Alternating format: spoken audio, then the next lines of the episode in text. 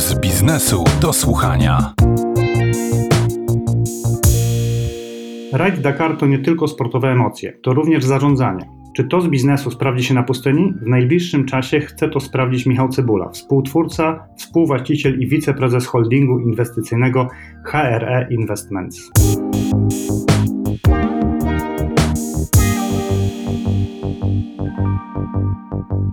Cały ten odcinek najnowszego Pulsu Biznesu do słuchania traktuje o Dakarze, i to jest taki trochę temat y, mało biznesowy, chociaż jak się okazuje wcale nie, bo pan jest biznesmenem, a chce pan pojechać na Dakar. I pytanie brzmi, czego pan tam szuka?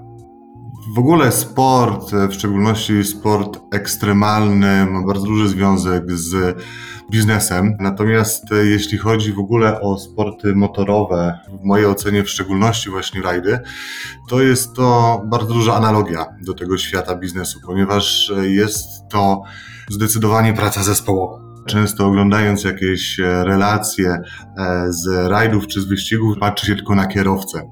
A tak naprawdę to siłą sukcesu jest cały team, który pracuje na ten sukces. Tak samo dokładnie jest też e, w biznesie. To jest absolutnie praca zespołowa. Im lepiej się załoga, czy to w rajdzie, czy to w pracy rozumie, często rozumie bez słów, często jest właśnie jakiś taki mocny flow między poszczególnymi osobami, tym są większe sukcesy Ja mam takie zboczenie trochę na rajdach, e, w przerwach pomiędzy odcinkami. To, co uwielbiam robić, to e, uwielbiam właśnie sobie usiąść i patrzeć na e, mechaników, jak pracują przy jakiejś tam odbudowie, po jakimś lekkim uszkodzeniu, po jakiejś awarii. Mają na to zwykle określony ścisło czas.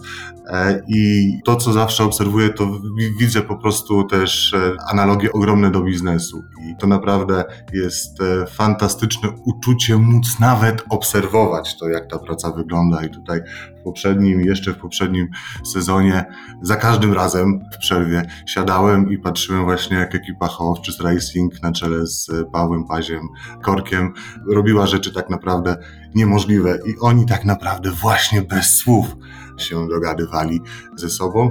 I to samo widzę w biznesie. W tych organizacjach, w których jest odpowiednia kultura, są odpowiednie wartości, też często nie trzeba nic mówić, każdy wie, co ma robić i patrzy też, jak może pomóc innym osobom. Więc tylko pozornie nie ma nic ze sobą wspólnego. Tak naprawdę te analogie są ogromne. Panie Michale, bo jesteśmy winni słuchaczom jedno wyjaśnienie, bo poza tym, że jest pan biznesmenem, jest pan też czynnym kierowcą rajdowym startującym w rajdach cross country i to nie bez sukcesów. Może parę słów o tym bym poprosił.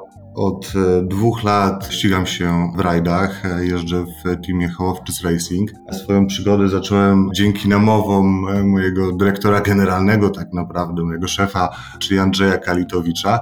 I tak od dwóch lat nie mogę się doczekać na każdy kolejny rajd. W ubiegłym roku udało nam się zdobyć z moim pilotem Filipem Hirażewskim wicemistrzostwo Polski w klasie T2. Jechaliśmy Dacią Duster, więc samochodem, który w ogóle nie był brany pod uwagę, jeśli chodzi o tą główną rywalizację, natomiast modyfikacje, jakie zostały popełnione i taka właśnie jazda na takim dobrym flow e, powodowała, że objeżdżaliśmy ekipy, które miały bardzo profesjonalny sprzęt. Na pierwszy rzut oka w ogóle były zupełnie w innym miejscu, tak? Natomiast już na mecie okazywało się, że jednak potrafiliśmy tutaj utrzeć nosa dużo bardziej ambitnym jednostkom.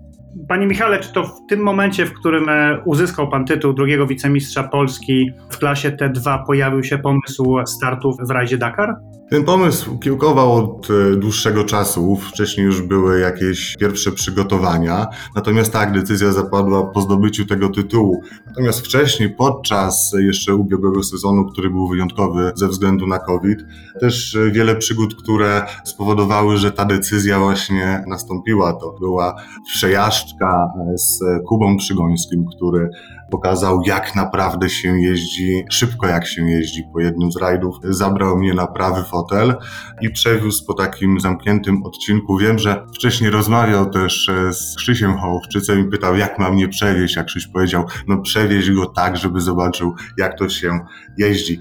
I to było niesamowite przeżycie, bo siedząc na tym prawym fotelu, wydawało mi się, że to jest e, bardzo szybko i że możliwe, że nie dam rady wręcz e, uważałem, że to raczej jestem za słaby właśnie na, na ściganie się w tej najwyższej klasie, w tej klasie T1, autami, które są przystosowane do bardzo dużych prędkości i po tej przejażdżce Dwie noce nie spałem. Analizowałem każdy zakręt, każdy centymetr, który udało mi się zarejestrować. I po tych dwóch nocach nieprzespanych stwierdziłem, że dam radę, że potrafię to ogarnąć i to też był taki przełom właśnie w całym przygotowaniu i w podjęciu tej decyzji.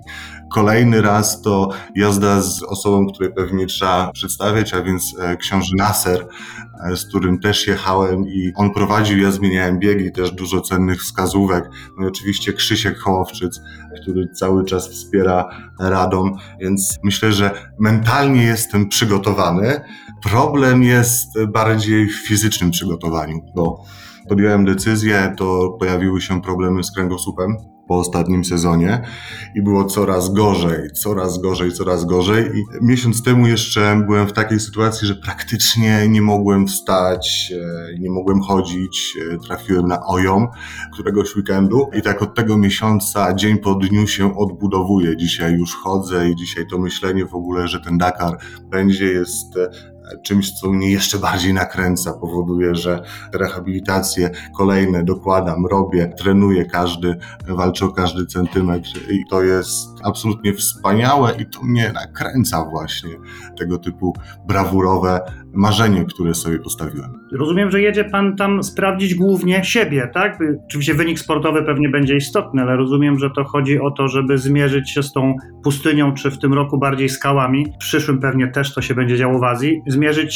się z nimi sam, a nie walczyć o najlepsze czasy czy tam próbować urwać trochę sekund do na przykład Kuby Przygońskiego? Nie no, poziom Kuby Przygońskiego, czy Nasera, czy Krzysztofa Hołowczyca jest jakby poza moim zasięgiem, jadę się tam absolutnie sprawdzić, jako ja, jak i cały team, e, jako cały łańcuch organizacyjny, wyzwanie samo w sobie jest po prostu dużym przedsięwzięciem i tego typu rzeczy na pewno mnie nakręcają. To jest plan, który przez cały rok, tak sobie liczyłem, to jest e, miesięcznie około 50 aktywności, które trzeba wykonywać. To są fizjoterapeuci, to są trenerzy, tutaj takie połączenie tych wszystkich osób. Znowu analogia do biznesu, tak? To znowu jest połączenie mądrych osób. Tak jak praca tylko z jedną osobą nie przynosi takich efektów. Praca z dwoma osobami to jest dodawanie, a jeżeli się zbierze taki odpowiedni team osób, które ze sobą też współpracują, to jest e, mnożenie, a nie dodawanie. Ja to tak rozumiem. I pan Andrzej Łachoda, genialny fizjoterapeuta, i e, Mateusz Krejpcio, który jest fantastycznym trenerem. Robimy bardzo dużo takich motorycznych przygotowań pod Raid Dakar. I Paweł Gogol, neurolog e, i szereg innych osób powodują, że jest e, dużo bardziej efektywnie. Te postępy widać gołym okiem. A ja tak naprawdę mogę tylko się poddać i robić to, co każą mi te mądre osoby. Więc znowu jest to praca zespołowa i wtedy ma to po prostu największy, największy sens. Panie Michale, podsumowując naszą rozmowę, co jest potrzebne poza samą chęcią czy marzeniem, żeby wystartować w Dakarze? No, poza pieniędzmi, samym marzeniem i taką bardzo ciężką pracą potrzebne jest e, wsparcie. Potrzebne jest wsparcie właśnie wspaniałych osób. I tutaj bardzo chciałem podziękować za to wsparcie osobom, które są w moim życiu. Podziękować e, żonie, podziękować e, rodzicom, w szczególności tacie, który mnie zaraził właśnie do motorsportu, ale też osobom u mnie w firmie, które wiem, że bardzo mocno trzymają kciuki i wszystkim tym osobom, które stanęły po prostu na drodze, mocno kibicują i wspierają. To jest e, cały czas, powtarzam, praca zespołowa i za to jestem szalenie wdzięczny. Dziękuję za spotkanie. Naszym gościem był Michał Cebula, wiceprezes holdingu inwestycyjnego HRE Investments. Dziękuję. Wszystkiego dobrego. Do usłyszenia.